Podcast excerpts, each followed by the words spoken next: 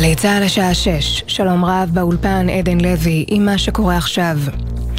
קצין בכיר במשמרות המהפכה האיראניים נהרג היום בתקיפה ישראלית בסוריה, כך מוסרים כלי תקשורת רשמיים בטהרן. הקצין, סייד רזה מוסאווי, נחשב לאחד מבכירי הקצינים האיראניים במחנה ההתנגדות. הוא החל את שירותו במשמרות המהפכה לפני 36 שנה. בטהרן אומרים כי היה מהמקורבים ביותר לקאסם סולימני.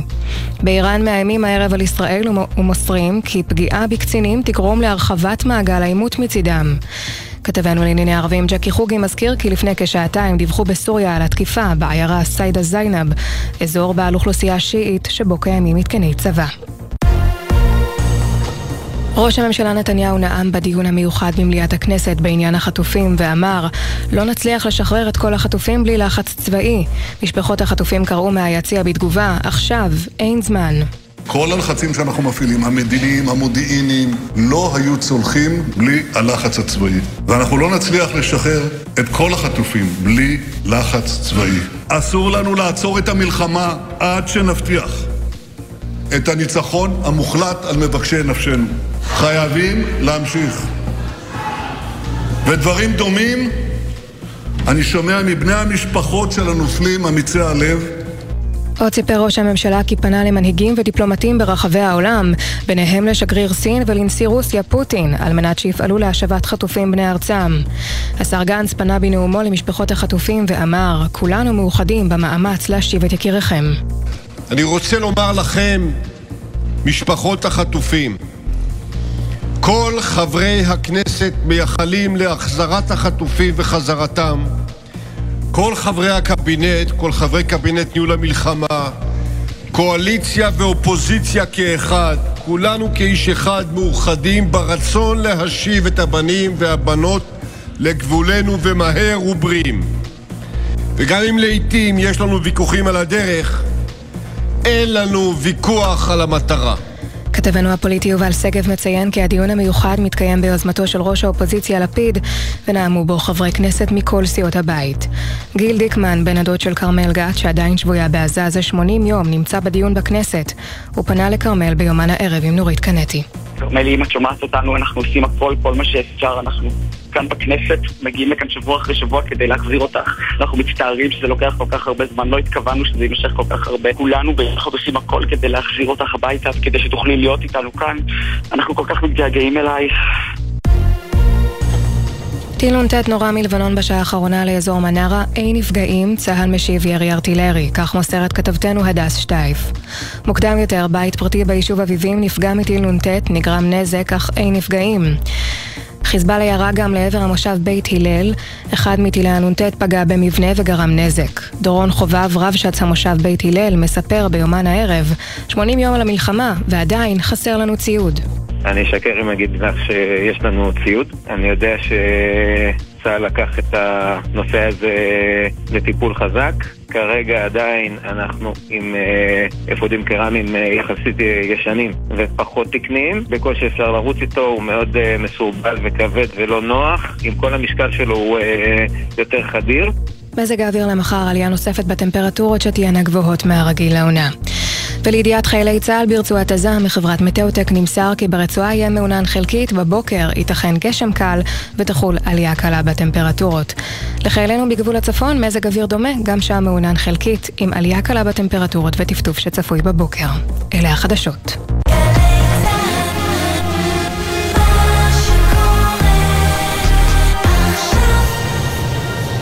בחסות BYD דולפין, משפחתית קומפקטית 100% חשמלית, החל ב-136,990 שקלים, כוכבית 4904, כפוף לתנאי החברה. בחסות רשת ביתילי, המציעה לכם לסיים את השנה בסגנון ביתילי, עד 50% הנחה על מגוון הריהוט לבית. סוף סוף סוף שנה בביתילי. ישראל במלחמה, עכשיו בגלי צה"ל, סמי פרץ, עם החזית הכלכלית.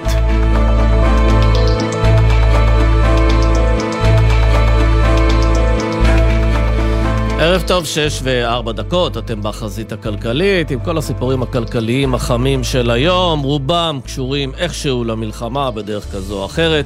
אם יהיו uh, עדכונים ביטחוניים, אנחנו כמובן uh, ניתן אותם במהלך השעה הקרובה.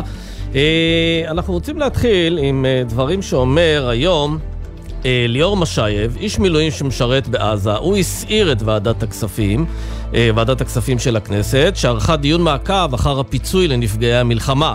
כשפרצה המלחמה, הוא ואחיו עזבו את העסק, עלו על מדים, נכנסו לעזה בלי לחשוב פעמיים, וכעת הם מתמודדים עם פגיעה כלכלית קשה מאוד. הנה הדברים שהוא אמר היום בכנסת. גם אני וגם אחי קרביים, שתינו גויסנו ביום הארור, בשביל העשירי. אה, אנחנו קרסנו, המצב שלנו קטסטרופה, כל פעם שאני יוצא אני לא יודע איך אני אסיים את היום שלי. אני, אני מפחד להעביר אשראי לסימילק של הילדה. המקרר ריק. סימילק! לאן הגענו? כן, אה, הוא... אה, אחרי זה ניגשו אליו כל מיני חברי כנסת והבטיחו שהם יטפלו בו. אה, הדברים מאוד קשים, נוגעים ללב, והתחושה היא שלא מעט אנשים עלולים ליפול בין הכיסאות. ברשות המיסים אומרים כי בושייב לא קיבל פיצוי משום שהוא לא הגיש בקשה, אבל איך בדיוק אפשר להגיש בקשה כשאתה נמצא בסג'איה בעזה, בלי סלולר, רחוק מהעסק, מנותק אפילו ממה שקורה אה, בארץ? אז אה, זה יפה ונכון שהממשלה מגבשת מתווה פיצוי, מקצה לכך הרבה מאוד כסף, אבל אתה שואל את עצמך, מה זה שווה אם אין לה את היכולת לסייע בזמן אמת למי שלא יכול לדאוג בעצמו לכך, כי הוא פשוט נמצא בעזה. יש עוד הרבה מקרים של עסקים ואנשים שנפגעו מהמלחמה, והרבה מאוד מקרים פרטניים שמחייבים מענה מהר וגמישות. אה, העסקים הגדולים בדרך כלל יודעים לעבוד עם רואי חשבון ועורכי דין וכל מיני אנשים שיודעים לעזור להם למצות את כל הזכויות שלהם, אבל להרבה מאוד אנשים אין את האיש הנכון שידע לטפל בבעיה שנוצרה, וזה מחייב פתרון. יש לנו רעיון גם איך. מאחר ומדובר במלחמה שמקשה מאוד על מיצוי זכויות, המדינה פשוט צריכה להעמיד לרשות אנשי המילואים והעסקים הקטנים שנפגעו מין מוקד לטיפול בבעיות הפרטניות שלהם, כדי לוודא שהם לא נופלים בין הכיסאות, וגם לא נופלים טרף לגורמים שיטפלו בבעיות שלהם, אבל רק תמורת עמלות שמנות. זה שירות חיוני שהמדינה צריכה לספק למי שהקריב ושילם מחירים כבדים כדי להגן על המדינה ועל אזרחיה. Uh, בעניין הזה, uh, יש בור תקציבי בשנה הבאה בעקבות באמת תוכניות הסיוע והעלויות הכבודות של המלחמה. Uh, הבור הזה מגיע למשהו כמו 75 מיליארד שקלים. ישראל פישר, כתבנו לענייני כלכלה, ערב טוב. ערב טוב, סמי. סכום גדול. כן, בהחלט. איך משיגים 75 מיליארד שקלים? אוי, בור תקציבי עצום. בקשר, בקשר לליאור בושייב, היום אני ישבתי שם בוועדת הכספים, והחלק המדהים שהיה זה שמתברר שאין בכלל מתווה פיצויים. בכלל, לא לחודש נובמבר, לא לחודש דצמבר, לעסקים בכל הארץ, כשכפיר בטט, סגן הממונה על התקציבים במשרד האוצר, נדרש לשאלה איך זה יכול להיות, הוא ענה, אין לי תשובה טובה לתת לכם. ככה הוא פשוט אמר שם בוועדת הכספים, וזה היה באמת אה, רגע מאוד, אה, לא רוצה להגיד מחקש, זה מעציב. אבל זה לא סביר, אפילו. כי אנחנו יודעים שמדברים על זה שהעלות תהיה 200 מיליארד שקלים, חלק גדול כמובן לביטחון, חלק גדול לפיצוי עסקים, מילואים, פינוי, אה, מפונים, שיקום כמובן יישובי הנגב המערבי, גם יישוב, שיקום יישובי הצפון. למה אין מתווה? למה אין מתווה פיצוי? זה, זה בדיוק העניין. כי משיחות שאני מנהל שם, יש הרבה מאוד לחצים שאיך אני אגדיר אותם עכשיו בעדינות, לא ענייניים, שלא מאפשרים לממשלה להגיש מתווה אמיתי ומוסכם, שגם יעניק סיוע לעסקים מצד אחד, וגם לקראת תקציב 2024, אתה ציינת את הבור הזה של 75 מיליארד שקלים, יאפשר מצד אחד קיצוצים בכל מיני סעיפים שהם באמת לא חשובים, ומהצד השני יגדיל את הכנסות המדינה. היום גם שמענו את שר האוצר בצלאל סמוטריץ' מתייחס לזה בישיבת סיעת אה, הציונות הדתית, ואמר שהוא, הדבר האחרון שהוא רוצה זה גזרות על האזרחים. אוקיי, נחמד, אתה לא רוצה גזרות על האזרחים, אבל כל בר דעת מבין שאם ההוצאות שלך גדלות, אתה צריך גם להגדיל את ההכנסות שלך, ואתה לא רוצה להיכנס לאוברדרפט מטורף, כמו שמראים התרחישים האלה שהציג היום משרד האוצר. אז מה אמורים הגופים הבינלאומיים לחשוב כשאומרים, אנחנו לא רוצים מיסים חדשים, אנחנו לא רוצים לקצץ אה, בכספים שהם לא חשובים, מה הם אמורים לחשוב? הוא גם לא אמר דבר נוסף בשבוע שעבר, הוא אומר, אנחנו לא רוצים להיכנס לאזור הזה של קביעת סדרי עדיפויות. אז, אה, אז באמת נדרשים פה קסמים יוצאי דופן כדי גם לא להעלות מיסים, גם לא לקצץ הוצאות, ובעיקר לא לקבוע סדרי עדיפויות. הוא צריך לתת אה, תשובות קצת יותר רציניות לשווקים. אה, אתה מרגיש שיש פער בין מה שהוא עושה ובין העבודה שעושה הפקידות שם במשרד האוצר, שהיא מדברת יותר תכלס מאיפה מביאים את הכסף? אני יכול לספר לך על שיחות שיש לי מאחורי הקלעים עם הפקידות במשרד האוצר. אנשים שהם לא רוצים להגיד את הדברים בשמם כי הם מפחדים. באופן מובן, והם הם מיואשים, הם באמת מיואשים. הם מנסים אה, כמובן ללחוץ, להציג את הדברים אה, באופן אה, ברור גם לשר, אבל הם מאשימים את הדרג הפוליטי שהוא לא רואה את הדברים באופן רציני, או, או לא, לא קורא את המציאות. נכון, ואלה דברים באמת קשים שאני שומע, וגם צ, צריך להגיד שבזמן שאנחנו דיברנו ועסקנו בכספים הקואליציוניים, של תקציב 2023, עוד התקציב המחודש של 2023, כבר עכשיו אני יכול להגיד לך שיש גורמים בממשלה שלא מוכנים אה, לוותר על תקציב, אה, אה, על הכספים הקואליציוניים של תקציב 2024. היום, בזמן שהייתי בכנסת, היתרון של רדיו זה שאנשים לא מזהים את הפרצופים של שדרני רדיו, אז אחד מחברי הכנסת הבכירים, עשית לו האזנת סתר. הכספים, לא האזנת סתר, אני עישנתי אוקיי. סיגריה במרפסת, הוא עישן את הסיגריה לידי. סליחה, אוקיי. אסור לעשן. אה, אבל אני שומע אותו אה, מתנסח עם העוזרים שלו איך ניתן להתייחס לכל מיני קיצוצים שצריכים לעשות בתקציב, אבל מבלי שזה יפגע באמת במטרות האמיתיות של הקואליציה. אלה דברים שאני, yeah. כן. אני, אתה יודע, אני עיתונאי, הוא לא ידע שאני עיתונאי, אה, לכן אני גם לא אגיד את שמו ולא אצטט בדיוק את הציטוטים. כן, ללכת עם אבל... ולה, ולהרגיש בלי, או ההפך, אה, אבל אה, בחזית, נגיד נקרא לזה יותר חיובית, לפחות הבשורות היותר חיוביות, סמוטריץ' הודיע שהוא... מסדר מענק נוסף למילואימניקים. על מה מדובר? אז uh, לפי החוק הנהוג היום, בעצם מפקדים שמשרתים יותר מ-60 uh, ימי מילואים בשנה, מקבלים מענק של 133 שקלים לכל יום. זה תקף רק למפקדים. עד עכשיו. ולמעשה מה שאמר אה, אה, היום שר האוצר סמוטריץ', שזה יהיה תקף לכל משרתי המילואים, וזה יכול להגיע למענק של עד 4,000 שקלים בחודש, בנוסף לתגמולי המילואים כלומר, החל מהיום ה-60 מתחילים לקבל עוד 133 שקלים לחודש, לא על כל ה-60 מילים. על 133 שקלים ליום. כן. לא לחודש, כן, ליום. כן, כן. כן. כן, החל מהיום ה-60 צריכים לקבל עוד 133 שקלים כן. ליום, וזה מצטרף למדרגות המענקים הקודמות, זאת אומרת, אם אתה משרת למשל רק אה, 24 ימים, אתה מקבל משהו כמו אה, 4,000 שקלים, לא, לא ליום, אלא 4,000 כן. שקלים אה, פשוט סכום. שזה משמח אה, כמובן, וטוב אה, וצריך כן. לתגמל את המילואימניקים, אבל שוב, כאמור, אה, ההתחייבויות גדלות, ופתרונות לשאלה מאיפה יבוא הכסף עדיין לא קיבלנו. אה, ישראל פישר, כתבנו לענייני כלכלה. הכלכלה. תודה רבה. תודה רבה, סמי. אז אה, שנת הלימודים האקדמית תיפתח ביום ראשון הקרוב. למעשה יש מוסד אה, אקדמי אחד שכבר הלימודים החלו בו בתחילת אה, דצמבר, זה, זו האוניברסיטה הפתוחה.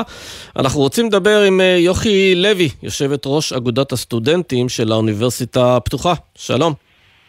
שלום וערב טוב. אז מאחר ואתם הראשונים שכבר התחילו ללמוד, אה, ויש לכם אולי משהו ללמד את אלה שעדיין לא התחילו ללמוד, איך זה עובד עם כל העניין הזה של הרבה מאוד סטודנטים שנמצאים במילואים? כן, אז באמת אה, יש לנו כרגע באמת אתגר מאוד גדול. אה, למעשה האוניברסיטה הפתוחה זאת האוניברסיטה שפתחה מבין האוניברסיטאות, פתחה ראשונה את הלימודים.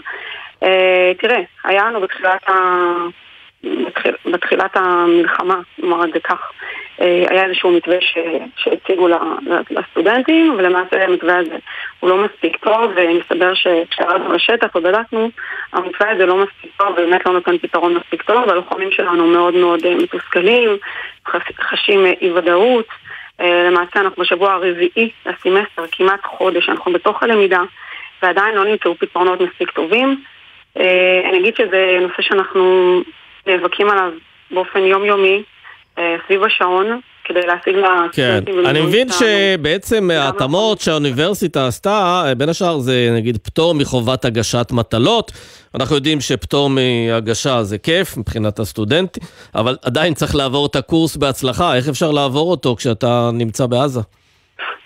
בדיוק, וזאת הנקודה. לכן אמרנו, אה, מצד אחד באמת האוניברסיטה, כמובן שזה גם הבית שלי, כן? אני גם סטודנט עדיין, סטודנטית עדיין, אבל אה, אה, עם כל הרצון הטוב זה, זה מתווה לא מספיק טוב, מכיוון שבסופו של דבר סטודנט צריך בסוף הסמסטר לגשת לבחינה, אז אם הוא הגיע בשבוע השמיני לסמסטר, למרות שנותנים לו אפשרות לבטל את, את הקורס, כן, יש את, ה, את הנושא הזה, אבל אם באופן אה, מעשי הוא כן מעוניין להשלים, הוא כן רוצה לא, לא, לא לפגר בחומר, כן, משאר החברים או הסטודנטים, ה, כמו, או כמו, כמו התוכנית הלימודית שהוא תכנן, אז למעשה הוא נמצא בפיגור, והוא לא יוכל להשלים את זה, כי מבחינה טכנית, לגשת לבחינה זה לא עוזר לי שלא, שאני לא צריך כן. להגיש מטלות. יוכי, יש עוד uh, אוכלוסייה מסוימת שגם לה יש קשיים, שזה נשות נכון. המילואימניקים, אנשים ש... שבעצם נשארו עם כל המטלות, לפעמים העסק וכולי, uh, uh, להם נתנו איזה שהן הקלות כשהן סטודנטיות? למעשה לא, נשות, נשות כוחות הביטחון לא קיבלו הקלות אקדמיות כרגע, לצערנו, זה באמת נושא שאנחנו נאבקים עליו. אה, הם קיבלו עזרה אה, כלכלית עוד כל מיני אה, סיוע כזה או אחר, אבל לא מבחינה אקדמית. מעבר להקלה, להקלות שניתנו עד עכשיו לכוחות הביטחון המינימליים, כמו שדיברנו עליהם, הנושא של המטלות ועוד דברים שאנחנו מנסים לקדם, בעצם למעשה כוחות, נשות כוחות הביטחון לא קיבלו שום דבר. וכשאתם מציגים את זה, את הסוגיות הללו לראשי האוניברסיטה, מה הם אומרים לכם? יש להם פתרונות? אה, הם אומרים שהם מנסים לפתור, שזה מתווה מתגלגל, שאנחנו כרגע אה, מנסים למצוא עוד פתרונות. אה, מצד שני, אנחנו מציגים להם שהשטח בוער. ו- ונושא של האקדמיה עם כל, ה- עם כל הרצון שבאמת ה- אנחנו כ- כאגודה, הם לא רואים שיש לנו סמכות אה, להתערב בנושא האקדמי, אבל אנחנו בסופו של דבר צריכים לייצג את הסטודנטים, זה לא משנה איך תקרא לה, כן. לה, לאתגר או לבעיה, יש פה בעיה, אנחנו צריכים לפתור אותה. כן, יש לך אגב מושג איזה אחוז מהסטודנטים שלכם הם uh, במילואים עכשיו? אנחנו יודעים שזה כרגע סביב, עוד פעם, אלה שהגישו עד עכשיו, אה, אני מאמינה שהם מספרים גבוהים יותר, אבל סביב האלפיים, יכול להיות שיותר. אני מדברת איתך על מילואים. אם אתה מוסיף את כוחות הביטחון, אני מאמינה שאנחנו מגיעים פה לכמה אלפים טובים. עוד פעם, אנחנו מוסד מאוד מאוד גדול, אנחנו המוסד הכי גדול בישראל. יש לנו סביב ה-50 אלף סטודנטים בארץ ובחו"ל, אה, ולכן מצד אחד אה, רצו לאפשר למי שכן רצה ללמוד, להתחיל ללמוד, מצד שני, הבטיחו לנו כל הזמן שזה יהיה במקביל למתווה ראוי שייתנו בעצם כן. לכל כוחות הביטחון והלוחמים. אז מאחר ואתם... יישארו מאחור. כן. אנחנו פה באמת בשביל ללחום עבורם ולעשות כל מה שרק אפשר. יש לנו המון המון דרכים וכלים שפעלנו ושאנחנו פועלים כדי באמת להגיע להבנות ולמשא ומתן עם המוסד שבאמת יבינו כן. שאנחנו פועלים נטו. יוכי, לסיום, מאחר ואתם כבר שלושה שבועות אה, בתוך אה, שנת הלימודים, ארבע. אה, ארבעה שבועות. יש לך אה, טיפ לאוניברסיטאות שמתחילות אה, ללמד ביום ראשון הקרוב? משהו שהכי חשוב שהן צריכות לעשות למען הסטודנטים שנמצאים במילואים? כן, קודם כל להקשיב לשטח. ודבר שני, אף פעם לא לומר אי אפשר, זה לא הגיוני, זה לא אפשרי מבחינתנו, כי מבחינתנו זאת מלחמה היסטורית. מעולם לא הייתה מלחמה בסד... בסד... בסדר גודל כזה, שאנחנו לא יודעים מתי היא תסתיים. אנחנו יודעים איך היא התחילה, באמת, אה, בהשוואה לצערנו לשואה, כן? הרמה, ההיסטריה והלוחמים שלנו חוזרים באמת, הלומי קרב זה מילה קטנה לעומת מה שהם כן. חוו שם. ו, ובאמת אה, להיות קשובים ולא להגיד אין אפשרות, כי הכל אפשרי עכשיו. כן, אז יוכי, אה, תשמעי, מאחר ותכף אני הולך לדבר עם נשיא אוניברסיטת תל אביב, אני מציע לך אה, אה, להקשיב לשיחה הזו, אני אודה לך בשלב הזה. יוכי לוי, יושבת ראש אגודת הסטודנטים של האוניברסיטה הפתוחה, תודה. תודה לכם. ואני רוצה לצרף את פרופסור אריאל פורט, נשיא אוניברסיטת תל אביב. ערב טוב. ערב טוב גם לך. אז ביום ראשון הקרוב אה, תיפתח שנת הלימודים, בשעה טובה, איחור של אה, חודשיים. יש בכלל דרך לפצות על תקופה כל כך ארוכה שהלכה לאיבוד? יש דרך לדחוס את חומר הלימודים בצורה אפקטיבית? כן, זו שאלה טובה מאוד. אה, בוודאי שמי שהיה במילואים תקופה ארוכה כל כך, בוודאי שחייו יהיו יותר קשים. אני מניח שאני לא מחדש בזה הרבה מאשר מי שלא עשה מילואים בכלל. אבל אנחנו עושים הרבה מאוד דברים כדי אה, לאפשר לתלמידי המילואים אה, להתחיל את השנה, לש, אה, להמשיך את השנה ולסיים אותה בהצלחה. אה, זה מתבטא בכל מיני מובנים, גם הקלות שאנחנו נותנים לחיילי וחיילות המילואים, אגב לא רק לחיילי וחיילות המילואים, גם למפונים, גם לנפגעים, גם לבני משפחה, אפרופו ההערה של אה, קודמתי, גם בני משפחה יקבלו הקלות של כאלה שמשרתים במילואים. בכל אופן, אנחנו מצד אחד נותנים הקלות, אנחנו נותנים סיוע כלכלי, כמובן בהתאם ליכולות שלנו, יש גבול לתקציב של האוניברסיטה כמובן. אנחנו מתכוונים לתת תמיכה מאוד מאוד משמעותית לחיילי וחיילות המילואים, שחלק גדול מהם כנראה לא יצליחו להגיע ליום הראשון בלימודים. אנחנו נאפשר הקלטות של כל השיעורים, כל הסגל האקדמי באוניברסיטה. אתה יודע, אני חושב על זה, אם הייתי חוזר, אפילו ביום ראשון הקרוב, הייתי חוזר אחרי חודשיים אה, בעזה, אני גם לא בטוח שהייתי יכול להתרכז, אה, בטח אחרי מה שקורה שם, להתרכז בכלל בלימודים. כלומר, גם ברגע שהם ישתחררו ויבואו לאוניברסיטה, זה נשמע לי שזה דורש עוד איזו תקופה מאוד ארוכה. יכול להיות שהסמסטר הראשון כבר אבוד מבחינתם? לא, לא. כלומר, קודם כל אני מסכים איתך לגמרי, אין ספק. קשה מאוד להשתחרר, גם אם אתה משתחרר אה, יום או יומיים או אפילו שבוע לפני תחילת שנת הלימודים, זה בכלל לא טריוויאלי לחזור ללימודים. אנחנו מבינים את זה, בני משפחה שלנו הרי מילואימניקים, ואנחנו אנחנו, אנחנו לא נמצאים באיזה עולם אחר, אנחנו יודעים בדיוק במה מדובר. אז מה יקרה בפועל? נגיד שיצא מישהו עכשיו, יוצא בעוד שבוע או שבועיים, יוצא מעזה, מתחבר לסמסטר, ולא לא מצליח לעמוד בחובות האקדמיות שלו. מה, מה אתם יכולים לעשות? מה, תוותרו לו, תקלו עליו, תנו לו ציון למרות שאולי לא מגיע לו? מה, איך זה יעבוד? אז, אז, אז ככה, אה, קודם כל כן, יש הקלות, כלומר הוא יהיה פטור מקורסים מסוימים, הוא יוכל אה, חלק מסוים מהקורסים לבחור לעבור אותם בציון בינארי של עבר או נכשל, ולא ציון מספרי, אבל חשוב להגיד, אנחנו מתכוונים בשבוע הרביעי, כן, אנחנו מתחילים ב-31, שלושה שבועות לאחר מכן אנחנו עושים שבוע שהוא בעצם שבוע של השלמות. בשבוע הזה אנחנו לא מתקדמים יותר בחומר, זה שבוע שכולו מוקדש לחיילי המילואים, לעשות מאמץ גדול מאוד כדי לאפשר להם להדביק את הפער. ואתה מרגיש שאפשר ליישר קו בשבוע כזה? אה, אני חושב, תראה, אה, אם יהיה מישהו שיהיה נניח אה, בחודשיים הראשונים של הסמסטר בכלל לא יהיה באוניברסיטה, זה כמובן בעיה מאוד קשה, כן? יש גבול לפתרונות שאפשר להמציא למי שלמשל, או תיקח מקרה קיצון, בכלל לא מופיע ללימודים. אבל אנחנו מדברים על כאלה, ואנחנו עושים אגב מאמצים מאוד רציניים מול הצבא כדי לאפשר שחרור, צריך גם את זה להגיד, אנחנו במגעים כל הזמן. לא רק אנחנו, אוניברסיטת תל אביב, כל האוניברסיטאות, עם רשויות הצבא, כדי לנסות ולראות איך אפשר להגיע למקסימום אנשי מילואים משוחררים לקראת תחילת שנת הלימודים, ואז אחרי שלושה שבועות נעשה פסק זמן של שבוע, בשבוע הזה ננסה ליישר קו כמה שאפשר, ונמשיך עם זה גם אחר כך. וקיבלתם איזושהי אינדיקציה מראשי הצבא שהם באמת הולכים לשחרר אה, את הסטודנטים, המילואימניקים? אה, אה, כן, התשובה היא כן, כלומר, כמובן שהם לא יכולים להבטיח לנו את המספר המדויק, אבל במפורש הקביעה של המועד של תחילת הלימודים נעשה, נעשה, נעשה בתיאום עם הצבא. זאת אומרת, אתה אמרת שדחינו את שנת הלימודים בחודשיים, טעות, חודשיים וחצי. אנחנו חיכינו לרגע האחרון, אם היינו מחכים עוד שבועיים, שנת הלימודים הייתה בסכנה, ומי שהיה נפגע מזה זה גם חיילי המילואים, כי ביטול שנת לימודים זה רע לכולם. לכן בחרנו בדרך של בלית ברירה להתחיל בצורה הזאת, אבל עם מערך תמיכה עמוק ורציני ביותר עד כמה שאפשר. כן. אני, זאת, זה באמת האתגר שלנו, שאנחנו לוקחים אותו ברצינות לאומית. אנחנו מבינים כמה אנחנו חייבים לאנשי המילואים. כן. אנחנו מבינים את זה באופן עמוק. יש פה עוד אה, היבט של אה, ניהול שנת אה, לימודים אקדמית באוניברסיטאות. הרבה פעמים יש פעילות פוליטית, והפעם זה תופס אתכם תוך כדי מלחמה. יש לכם סטודנטים ערבים, סטודנטים יהודים. אתם נערכים לאיזושהי מתיחות בין סטודנטים על רקע המלחמה? הפגנות, כן. מחאות וכדומה? כן, אנחנו עוסקים בזה כבר הרבה שבועות.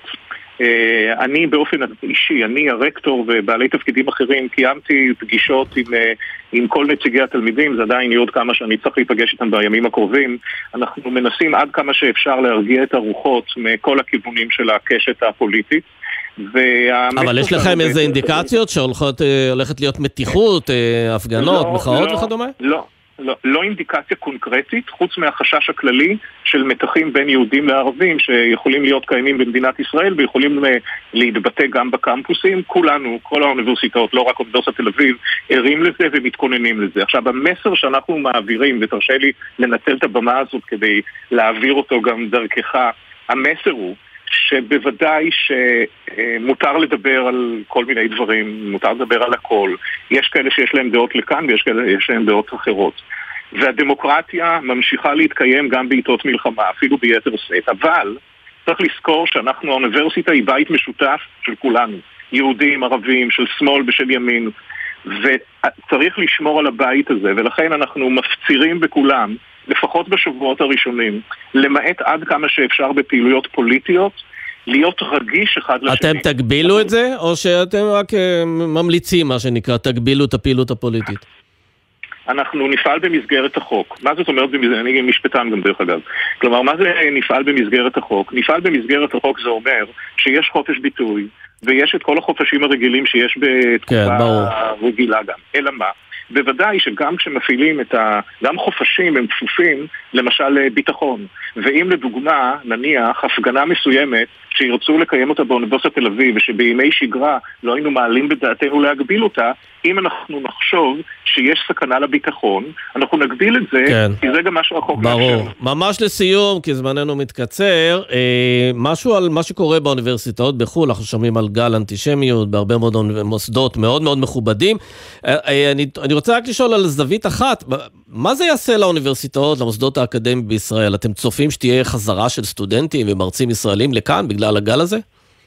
כן, אז תראה, אה, זאת שאלה מצוינת. אה, מצד אחד אה, יש צפי מסוים שאולי דוקטורנטים ופוסט-דוקטורנטים שאולי בעבר חשבו להישאר בארצות הברית למשל, דרך אגב, לצערי, תופעה שהתגברה. בימי המהפכה החוקתית, אם אתה זוכר שפעם הייתה כן, תקופה כן, כזאת, זכור. לפני המבול. זכור משהו. אז, הייתה, כן, ואז הייתה ירידה, כלומר יותר ויותר פוסט-דוקטורנטים דיווחו שהם מהססים אם, אם לחזור לישראל, ואנחנו כרגע מאבחנים במידה מסוימת של שמחה, כפוף לנסיבות, אה, לתופעה הפוכה, יותר רוצים לחזור לישראל מהסיבות שאמרת. מצד שני, גם ישראל בעיני חלק נראית פחות אטרקטיבית, גם מסיבות שאתה יכול לדמיין, כן, כן. האי-ודאות שאנחנו נמצאים וכדומה. מה שנקרא, ניפגש אחרי המלחמה ונבין מה הייתה השורה התחתונה של כל התופעות האלה. פרופסור אריאל פורט, נשיא אוניברסיטת תל אביב, תודה רבה לך. תודה רבה לך. ערב טוב. ערב טוב. אה, נקפוץ לגליל, לעירית מילס, יושבת ראש מושב כרם בן זמרה. ערב טוב. ערב טוב לכל המאזינים. טוב, אנחנו רוצים קצת להבין אה, איך נראים החיים בכרם בן זמרה. אתם לא לגמרי על הגבול, רחוקים ארבעה וחצי קילומטר. אפילו פחות. אבל אתם מין חצי-חצי כזה, לא פינו אתכם, אבל החיים השתבשו. נכון, אנחנו קוראים לעצמנו יישובים כלואים. אנחנו מצד אחד לא מפונים, מצד שני אומרים לנו, אתם בשגרת חירום, שזו מילה מאוד מכובסת, זה או שגרה או חירום. ואנחנו בעצם נמצאים במצב של חירום.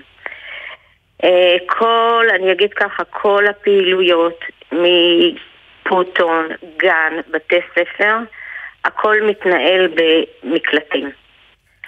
אה, כל החינוך הבלתי פורמלי אחר הצהריים גם מתנהל במקלטים. אה, יש פה הרבה כוחות, יש פה הרבה מאוד רעש של צבא, שזה גם אה, דבר שממש אה, סדר היום משתבש. הרבה בומים אני מניח, כן? המון, המון, המון. אני רוצה להגיד שקשה מאוד להתרגל לזה. יש פה הרבה ילדים שזה באמת אתה, אתה לא מתרגל לזה. כן, לא נדמה לא לי פעם אחרונה שהייתי בכרם בן זמרה, מקום פסטורלי, חקלאות, נכון. תיירות, צימרים, נכון. יקבים. אה, נכון. וכל הדבר הזה עכשיו פשוט שומם מבחינת ביקור אה, של אה, תיירות אפילו מקומית. אני אסביר. רוב היישובים מ-0 עד 5 קילומטר, רובם מתעסקים בחקלאות ותיירות.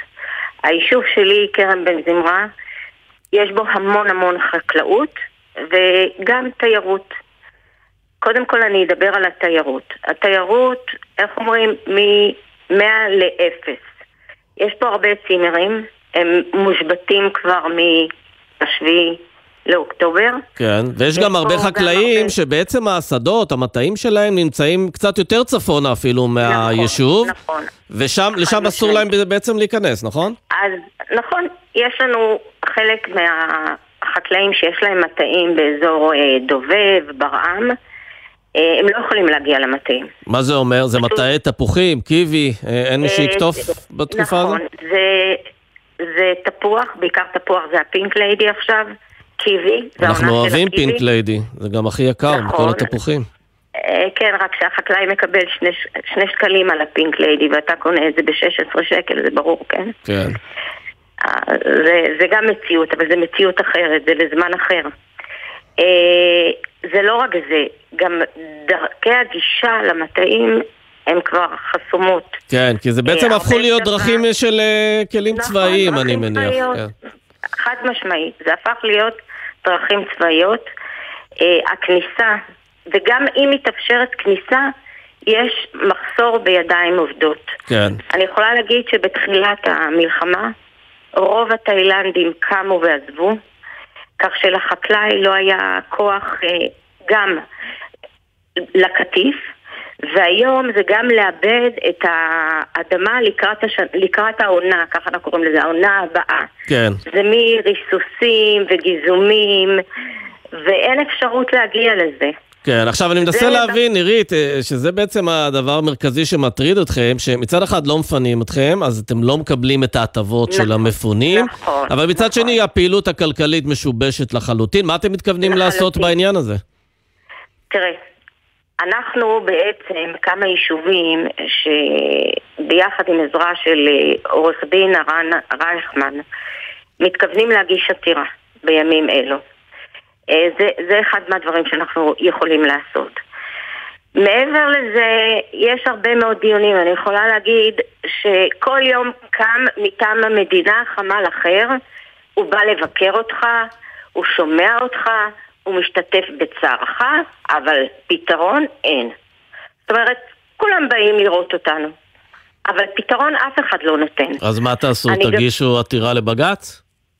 כרגע יש עתירה שהיא כמעט מוכנה, היא תוגש לבג"ץ, יש בה בערך קרוב ל-11 יישובים שכוללים מועצות נוספות, אני נמצאת במועצה האזורית מרום גליל, יש אה, מטה אשר, מעלה יוסף, גליל עליון, אה, זה אותם יישובים שבעצם נמצאים בין השלוש וחצי קילומטר עד החמישה, אה, שגם חווים מה שאנחנו חווים. ואני לא נגעתי בתיירות, יש פה הרבה צימרים, יש פה גם הרבה יקבים. הכל מושבת, הכל סגור. אני יכולה להגיד, כן ייאמר לזכותם של בעלי הצימרים, שהצימרים פתוחים ונותנים מענה לחיילים שנמצאים פה. כן, לפחות זה. באמת, בנושא הזה אני מצדיעה לתושבים, בעיקר לתושבי כרם בן זמרה, שפתחו את ביתם כן. ונתנו את המקום לחיילים. עירית, אנחנו כמובן נעקוב, אם באמת תוגש עתירה, אז אנחנו נדבר שוב ונבדוק אה, היכן הדברים אה, נמצאים. אה, נגיד לך תודה בשלב הזה, עירית מילס, יושבת ראש מושב כרם בן. זמרה, ערב שקט ורגוע. תודה. תודה. אה, אנחנו נצא להפסקה קצרה, אחרי זה נחזור עם אה, תמונת מצב של ענף הבנייה, יש שם הרבה מאוד בעיות. נדבר גם על החזרה של מרסק לשוט בים האדום. האיום החות'י אולי קצת נראה פחות מאיים. כבר חוזרים. אתם מאזינים לגלי צה"ל. אצלי בבית, אמא ואבא קונים רק פירות וירקות ישראליים. איך זה אצלכם? זה הזמן לחזק את החקלאים שלנו. מ-24 בדצמבר תחול חובת סימון ארץ המקור של תוצרת טרייה הנמכרת בתפזורת. לכן כשקונים פירות וירקות, דגים ומוצרי חלב, בודקים שזה ישראלי, שיש סימן שזה מכאן. קונים תוצרת ישראלית ושומרים על החקלאות שלנו. מידע באתר משרד החקלאות. מגישים משרד החקלאות ומועצת הצמחים. אתם זכאים למענק עבודה לשנת המס 2022? במיוחד בימים אלו, הגישו בקשה בקלות ובמהירות באתר רשות המיסים ותיהנו ממענק עבודה פלוס תוספת. הזכאות למענק עבודה פלוס מגיל 21. ועוד פלוס חשוב, מענק מוגדל של 150% ניתן לאם עובדת ולהורה יחיד. אז היכנסו לאתר רשות המיסים ותקבלו את הכספים החיוניים לכם. פרטים באתר ובחיוג כוכבית 4954. מלונות ירושלים מחבקים את אנשי המילואים, כוחות הביטחון וההצלה. יצאתם להתרננות מהמילואים? אתם חלק מכוחות הביטחון וההצלה? בואו לירושלים בחודשים דצמבר וינואר ותקבלו הנחות מיוחדות במגוון בתי מלון בעיר. היכנסו לאתר iTravelJerusalem.com ובואו להירגע ולהתרענן בירושלים. ירושלים. ביוזמת משרד ירושלים ומסורת ישראל, עיריית ירושלים והרשות לפיתוח ירושלים. כשאחד היוצרים המוערוכים, אך המופנמים ביותר, מסכים לצלול אל סודות יצירתו, זה הזמן לפוד כספי. אחת, שתיים, שלוש, ארבע. מתי כספי, על הסיפורים שהולידו את השירים שכולנו מכירים. אמנם כתבתי את זה ואני עומד מאחורי זה, אבל אם הייתי רואה אותם היום, אני לא הייתי מלחין אותם. פוד כספי, עכשיו באתר וביישומון גל"צ גלגלצ, ובכל מקום שאתם מאזינים להסכתים שלכם. יחד במלחמה. מצאנו את הרדיו. אז זה העביר לנו את הזמן. מצאתם רדיו? הנה הרדיו. זה הדבר היחידי שמחזיק אותנו. גלי צה"ל כל הזמן. זה הכוח, זה הכוח. זה והמשמעות שלנו. גלי צה"ל, פה איתכם, בכל מקום, בכל זמן. עכשיו בגלי צה"ל, סמי פרץ, עם החזית הכלכלית. חזרנו, עכשיו אנחנו רוצים לבדוק uh, מה קורה בענף הבנייה, אחד הענפים שנפגעו הכי קשה מתחילת המלחמה, בעיקר בגלל נושא של uh, היעדר עובדים. איתנו יהודה מורגנשטרן, מנכ"ל משרד השיכון, ערב טוב. ערב טוב לך ולכל המאזינים. כן, אז בואו בוא נתחיל אולי בעצם מאחת הטענות הקשות שאנחנו שמענו לא מעט מהקבלנים, אה, שבעצם בהיעדר עובדים, אה, בהתחלה זה היה כמעט כל אתרי הבנייה המושבתים, עכשיו זה סדר גודל של מחצית מאתרי הבנייה המושבתים, אין עובדים פלסטינים, אין עובדים אה, זרים. מה אתם עושים כדי שהבנייה תתחדש בכל האתרים? ככה, לפני מספר שבועות הגדלנו את מכסת העובדים זרים מ-30 אלף ל-53 אלף, שזאת כמעט הכפלה. במקביל, העברנו החלטת ממשלה נוספת, שבה במקום רק להביא במסלול הבילטרלי, שזה בהסכם בין מדינות שבהם ההסכם לוקח זמן להביא עובדים, הבאנו החלטת ממשלה של עשרת אלפים עובדים שמגיעים במסלול פרטי. תוך כדי שאנחנו מדברים, יש משלחת שנמצאת בהודו, ומיונים שמתחילים מחר ב-26 וב-27, 4,000 עובדים הראשונים מכוח אותה החלטת ממשלה יבואו לארץ, בשלישי לינואר מסרי לנקה, ובהמשך החודש ועד בשליש הראשון של ינואר אנחנו נראה את אותם עשרת אלפים מצטרפים ומגיעים פה לארץ. אתה מדבר על תוספת של משהו כמו, אם אני עשיתי חשבון מהיר, משהו 33 אלף עובדים זרים נוספים, אבל עד עכשיו לא הגיע אפילו עובד אחד. קודם כל, נכון. לעובדים זרים זה תהליך, התחלנו אותו לפני חודש וחצי, זה תהליך של לאתר את המדינות. העובד שנמצא שם עובר את האישור בדיקות רפואיות. אנחנו נמצאים כרגע בישורת האחרונה.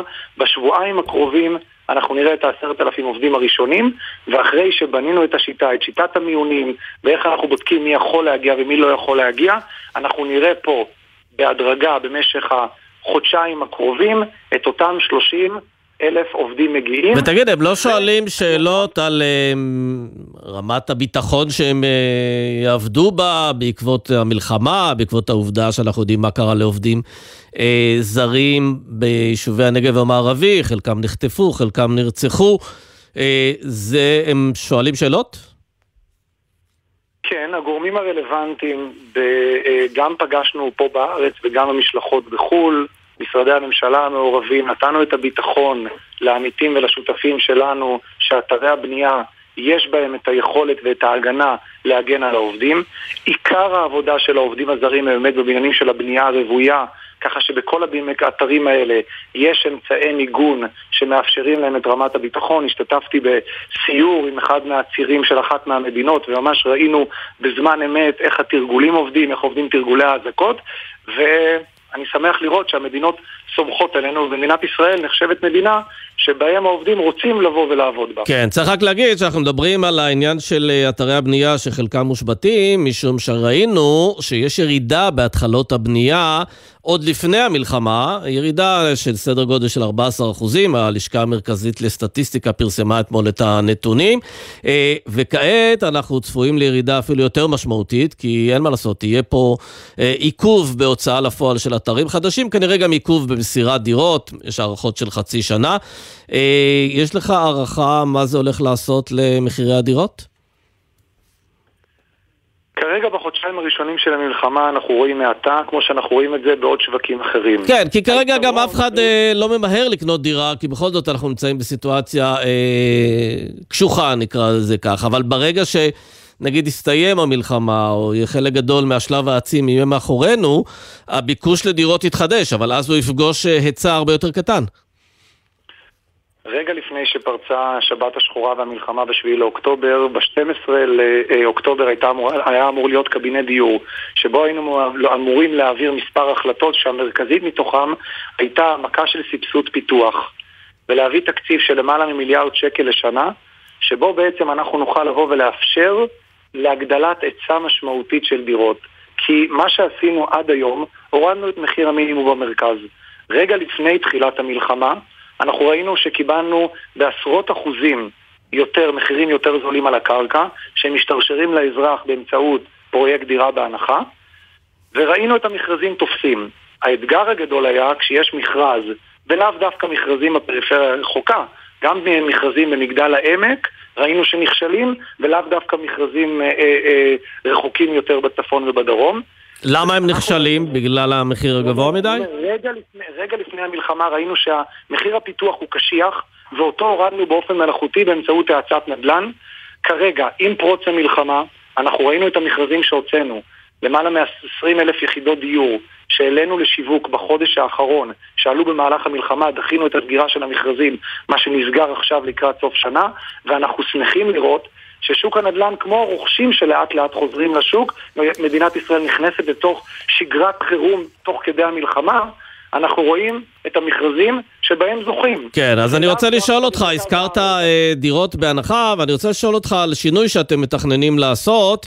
אתם מתכ... אה, מתכוונים אה, להתנות את הזכאות להשתתפות בתוכניות של שכר דירה בהנחה במבחני הכנסה. עד עכשיו בעצם לא היו מבחנים כאלה, והשאלה היא, לי זה נשמע הגיוני שככל שההכנסה שלך יותר נמוכה, ככה תקבל קדימות, אבל למה זה לא קרה עד עכשיו בעצם? קודם כל רק להעביר uh, לטובת המאזינים. דירה בהנחה שבהם מגרילים דירה וההרשמה להגרלה, הגרלה שנפתחת היום בלילה, ב-12 בלילה, ב-26 לחודש, על 7,000 דירות, אין מבחן הכנסה בכלל. אין דבר כזה מבחן הכנסה, ההרשמה היא על בסיס אה, זכאות, תעודת זכאות של חסר דיור של משרד הבינוי והשיכון, ההרשמה נפתחת הבוקר ב-26 לחודש. אבל אם ההכנסה שלי היא 100 אלף שקלים, אני יכול להוציא אה, תעודת זכאות כזו? אין, קשר, אין קשר לרמת ההכנסה שלך, אתה צריך להיות חסר דירה. ההרשמה נסגרת בשביעי לשני, ואישור זכאות להרשמה זה עד ה-22 לראשון, כאשר ההגרלה תתקיים בשביעי, בשביעי לשני. חשוב להגיד, בהגרלה הזאתי, נהפוך הוא, אנחנו נתנו שר הבינוי והשיכון, העברנו במועצת רמ"י החלטה, השר העביר החלטה של קדימות לחיילי מילואים של עשרה אחוז, קדימות להורים לילדים אה, נכים, קדימות לנכים כבר קיימת היום, אין שום מבחן הכנסה בדירה בהנחה בכלל. הרחבנו את הזמן גם של ההרשמה, גם של תעודת הזכאות וגם של ההגרלה בעקבות המלחמה, בשביל לאפשר לכולם להשתתף בהגרלה. גם בזמן הזה, ואנחנו חושבים... ואתם לא מתכוונים לשנות את התנאים לזכאות? ועכשיו אני אסביר. התנאים לזכאות זה על הגרלות לשכירות. כן, כן, על זה אני מדבר. לא, לא, אז אני אומר, דירה בהנחה זה לא לשכירות, זה דירות שאנשים קונים את הדירות בהנחה של עד 600 אלף שקל, שם אין מבחן הכנסה בכלל, הכנסנו רק דימות לחיילי מילואים והורים לילדים נכים. כן, אז לגבי השכירות? לגבי שכירות, לגבי השכירות, בכנסת הקודמת המשרד התנגד להכניס מבחני הכנסה. כמו שבדירה בהנחה אין מבחני הכנסה, הכנסת חייבה אותנו כמשרד לבוא ולהגיד, אם אנחנו מדברים על שכירות, שהיא שכירות של דיור בר השגה, אנחנו חייבים להכניס מבחני הכנסה. זה לא היה בכנסת הזאת וזה לא היה בממשלה הזאת. ובכך המשרד... כן, רק צריך להגיד שהתוכנית ההשכרה הזו היא... איך נגיד, יש לה רצון טוב, אבל מבחינת המספר שהיא מציעה, זה מספר מאוד זניח של כמה מאות דירות בעצם להשכרה במחיר מופחת. איך אפשר אה, להגדיל, להגדיל את ההיצע שם? ברשותך אני אתייחס למספר, אבל רק, רק, להשלים, אה, אה, רק להשלים את מבחן ההכנסה. מבחן ההכנסה מוציא את עשירון 9 ו-10 מההגרלה, עדיין אין עדיפות וקדימות בין עשירון 1 לעשירון 8 במבחנים. אין מבחן לא בראי של מספר ילדים או כל דבר אחר. עשירון 1 עד 8 נמצאים בתוכו ויכולים גם כן לקבל את השכירות במופחתת. ועשירון 9 ו-10 נמצאים בחוץ, זה נעשה כן. בשיתוף עם הרשויות המקומיות ונציגי האקדמיה. כן. לשאלתך, שוק השכירות, אה, מדינת ישראל... במשפט רק, כי אנחנו צריכים כבר לסיים. במשפט, סביבת הריבית החדשה פגשה אותנו באזור שקשה לבוא ולקיים אה, מכרזי שכירות. באזור המרכז אנחנו רואים גם בשבוע האחרון שמכרז תפס כי ערך הקרקע ירד.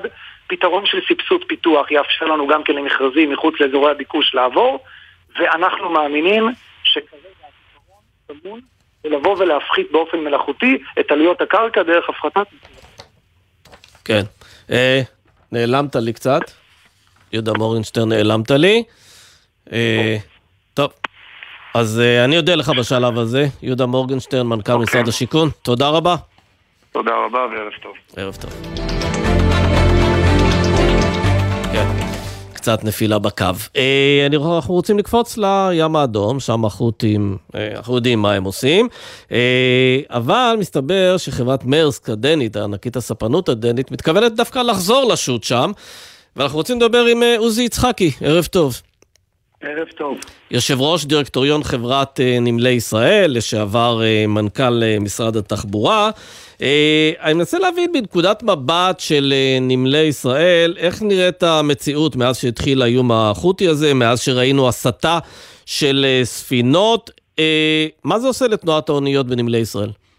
קודם כל, אני רק רוצה להבהיר ולעדכן שההודעה של אותה חברה דנית, חברה גדולה ומכובדת, היא גם צריך להכניס אותה לפרופורציות, ואולי אה, השמחה הייתה מוקדמת. ההודעה הרשמית שהם בודקים אפשרות של לחזור. אין עוד החלטה שלהם אה, לחזור, האוניות שלהם שיוצאות בקו אה, הודו וסין מהמזרח. אה, נכון לעכשיו אה, לא אה, אמורות אה, לעבור אה, דרך אה, הים האדום אה, ולכן זה רק אה, בדיקת... כן, זה נכון, הם אומרים, אנחנו עובדים על תוכנית לכלי השיט הראשון שיעבור באזור, במטרה שזה יקרה בהקדם האפשרי, כלומר זה לא קורה מחר, אה, הם ימסרו מידע בימים הקרובים, אבל בעצם מגיבים לזה שהכוח הבינלאומי יוקם ומתחיל לפעול שם באזור הים האדום, אז מתחילים כבר לתכנן את היום של החזרה. אבל מנקודת מבט, שוב, מקומית, כשאתה מסתכל על התנועה בנמלים, בנמלי ישראל, מה אתה יכול להגיד לנו על מה שזה עשה? קודם כל צריך uh, להדגיש שרק uh, רק 27% uh, מהסחורה של מדינת ישראל מאסיה ובתוך זה גם כלי רכב. ככה שאנחנו מדברים על עיקר הסחר שדרך אגב 99% uh, מכל מה שאנחנו צורכים, מקבלים, מגיע דרך הים כמובן, כן. הכל, כן, חייבים לדעת את זה. גם אם זה דרך מוצרים מוגמרים או חומרי גלם. ואנחנו מדברים על כאמור על 27% שמגיע מאסיה.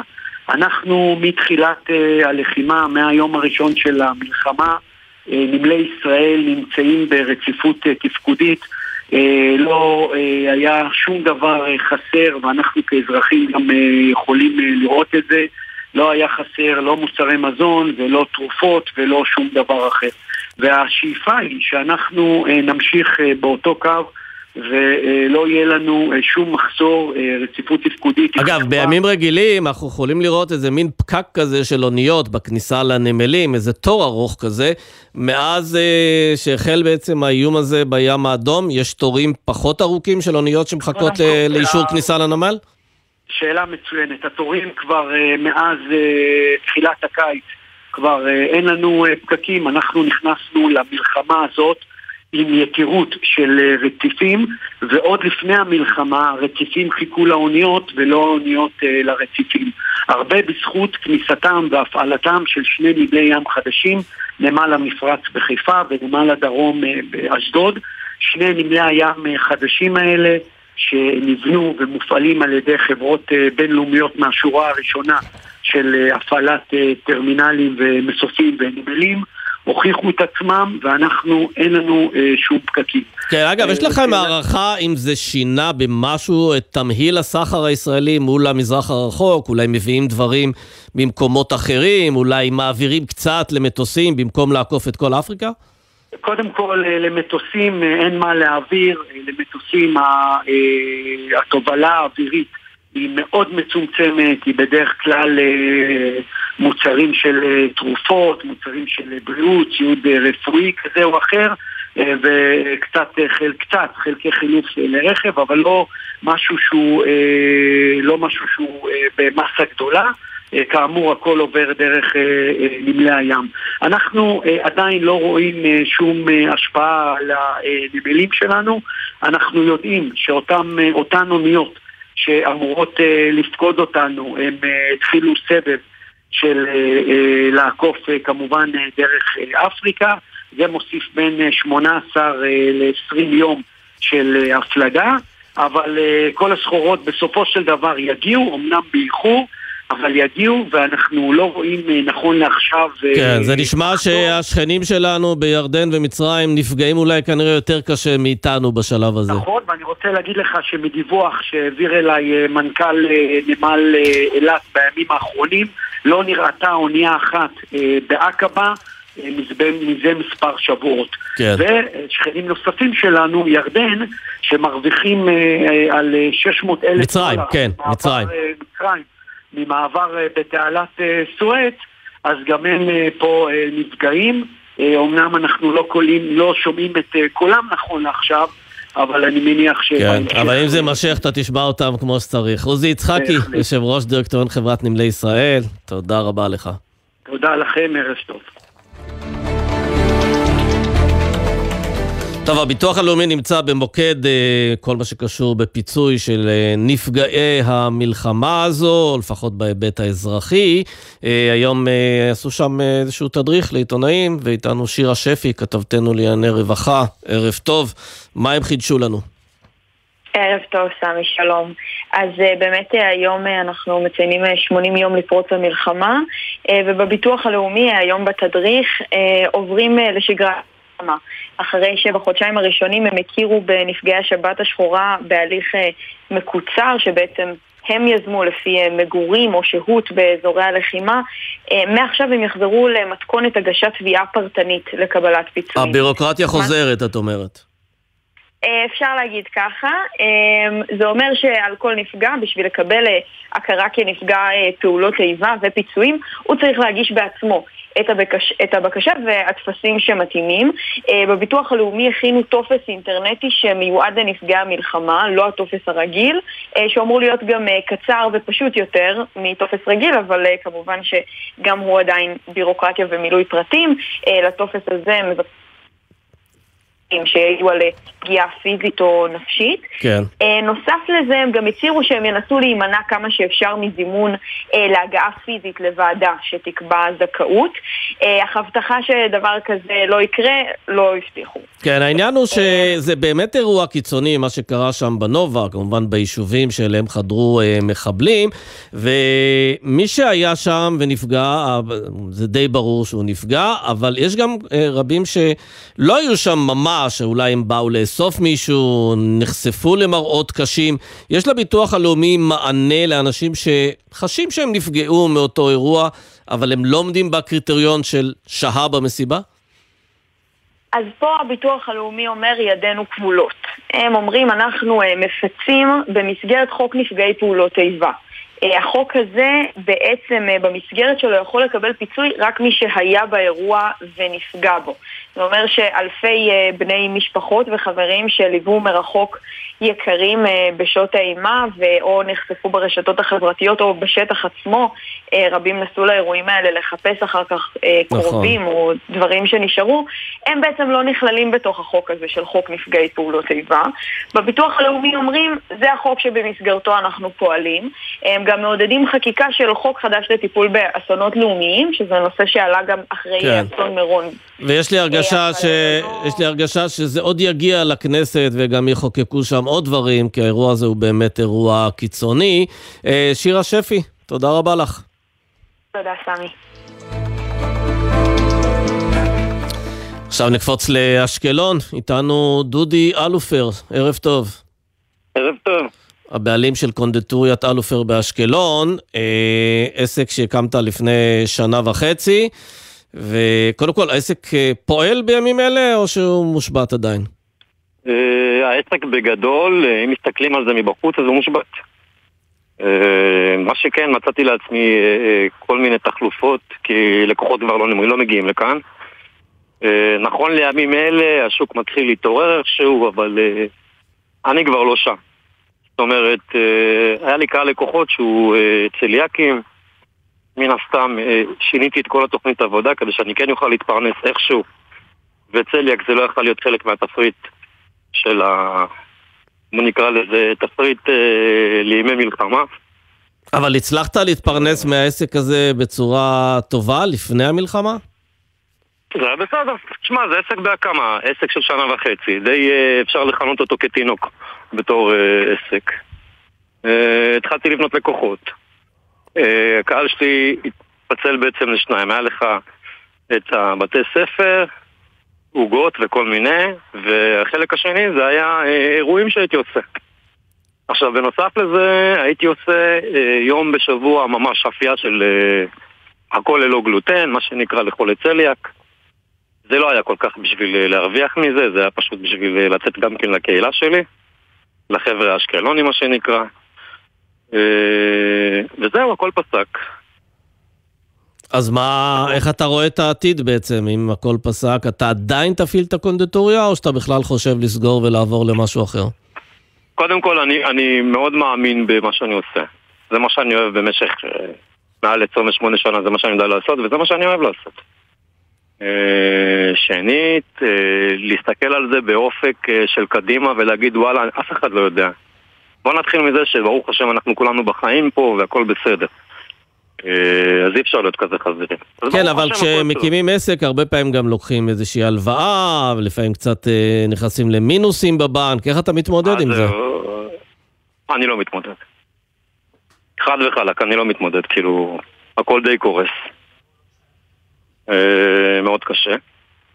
יש הרבה אנשים? טובים שעזרו לי. מי מי עזר לך? פיצוי, הגשתי, אה, אה, לגבי הפיצוי, הגשתי אה, בשבוע השני, עד עכשיו לא קיבלתי כלום ולא שמעתי מהם בכלל. ועשיתי את זה דרך הרואת חשבון, כי זה אמור להיות הדבר הכי טוב שיכול להיות, כי היא יודעת מה עושים, לא קרה שום דבר. מה זאת אומרת, הם גם לא חזרו עם תשובה? מגיע לך? לא מגיע לא לך? חזרו עם תשובה, לא חזרו עם תשובה. לא חזרו עם תשובה, וגם רואת החשבון בעצמה לא יודעת מה קורה עם זה. זה כן. סתם לצורך העניין. וממה זה נובע? זה נובע מזה שזה עסק חדש, שאולי קצת קשה לראות מה הוא כן, עשה בעבר? כן, מן הסתם, שנה וחצי, אין להם כל כך הרבה תנודות ימינה ושמאלה, למרות שלפי דעתי, בשני, ב, בשנה שעברה כן עבדתי, כאילו, יש להם פחות או יותר אה, רקע על מה, מה כן. נכנס פה. טוב, תשמע, אנחנו לא באמת אה, יודעים איך לפתור את זה כרגע, אנחנו רק ניתן לא. את מספר הטלפון שלך, כדי שמי שרוצה להזמין משהו, גם לאירועים, שיזמין, זה בסדר? קודם כל, אה, בסדר גמור. אז יאללה. קונדטוריית אלופר באשקלון, 053-227-8824. נאחל שבכל זאת הדברים יסתדרו כמה שיותר מהר. דודי אלופר, תודה רבה. תודה רבה לך ויום טוב. ערב טוב. זהו, אנחנו מסיימים. נגיד תודה לעורכת שלנו מאיה שוקן, לניב אה, וויליאמס ונועה ארז שהפיקו, הלל גוטמן על הביצוע הטכני, בפיקוח הטכני אילן גביש, בדיגיטל מיה אורן, מיד אחרינו עידן קבלר ומזל מועלם, מחר, כרגיל, החזית הכלכלית. בחסות הפניקס סמארט, המעניקה שלושה חודשים מתנה וגם שלושה חודשים דחייה בתשלום הביטוח המקיף לרכיב. כוכבית 5432, כפוף לתקנון, הפניקס חברה לפיתוח בע"מ. בחסות קרנות השוטרים, המציעה לעמיתיה מגוון הנחות ותנאים בלעדיים לרכישת דגמי קיה. לפרטים ייכנסו לאתר קרנות השוטרים או חייגו כוכבית 9920. בחסות רשת ביתילי, המציעה לכם לסיים את השנה בסגנון ביתילי. עד 50% הנחה על מגוון הריהוט לבית. סוף סוף סוף שנה בביתילי. אתם מאזינים לגלי צה"ל. אתם רוצים לקבל עדכונים בזמן אמת מצה"ל ישירות לוואטסאפ? הרשמו לערוץ הרשמי של דובר צה"ל ותקבלו את כל המידע, הכתבות והתיעוד מהשטח. חפשו דובר צה"ל בלשונית העדכונים בוואטסאפ. ידעתם שמשרד החקלאות מקצה לחקלאים 20 מיליון שקלים לשינוי ייעוד של מבנים חקלאיים, ושמשרד האוצר נותן מענקים לעסקים ולעצמאים מכל רחבי הארץ? וידעתם שיש אתר אחד המרכז למענכם את כל המידע על כל מה שהממשלה עושה. כל המידע למפונים, לעסקים, לחקלאים, לכל האזרחים. עכשיו באתר חרבות ברזל, מידע לציבור ממשרדי הממשלה. חפשו ברשת חרבות ברזל, מידע לציבור ממשרדי הממשלה, ותקבלו את כל המידע על מה שאתם יכולים לקבל מהממשלה. יחד ננצח. ג'יי גיב מזמינה אתכם להצטרף למאות אלפי ישראלים שכבר תרמו ולתרום למגוון עמותות ומיזמים בחזית ובעורף באופן בטוח. חפשו ג'יי גיב בגוגל. נהגים בחורף קשה יותר להבחין בהולכי הרגל ולהספיק לבלום בזמן, גם כשהדרך מוכרת. נוסעים לאט ונותנים זכות קדימה להולכי הרגל החוצים את הכביש או המתכוונים לחצות אותו. הרלב"ד, יחד נגיע ליעד. מיד אחרי החדשות, עידן קבלר ומזל מועד.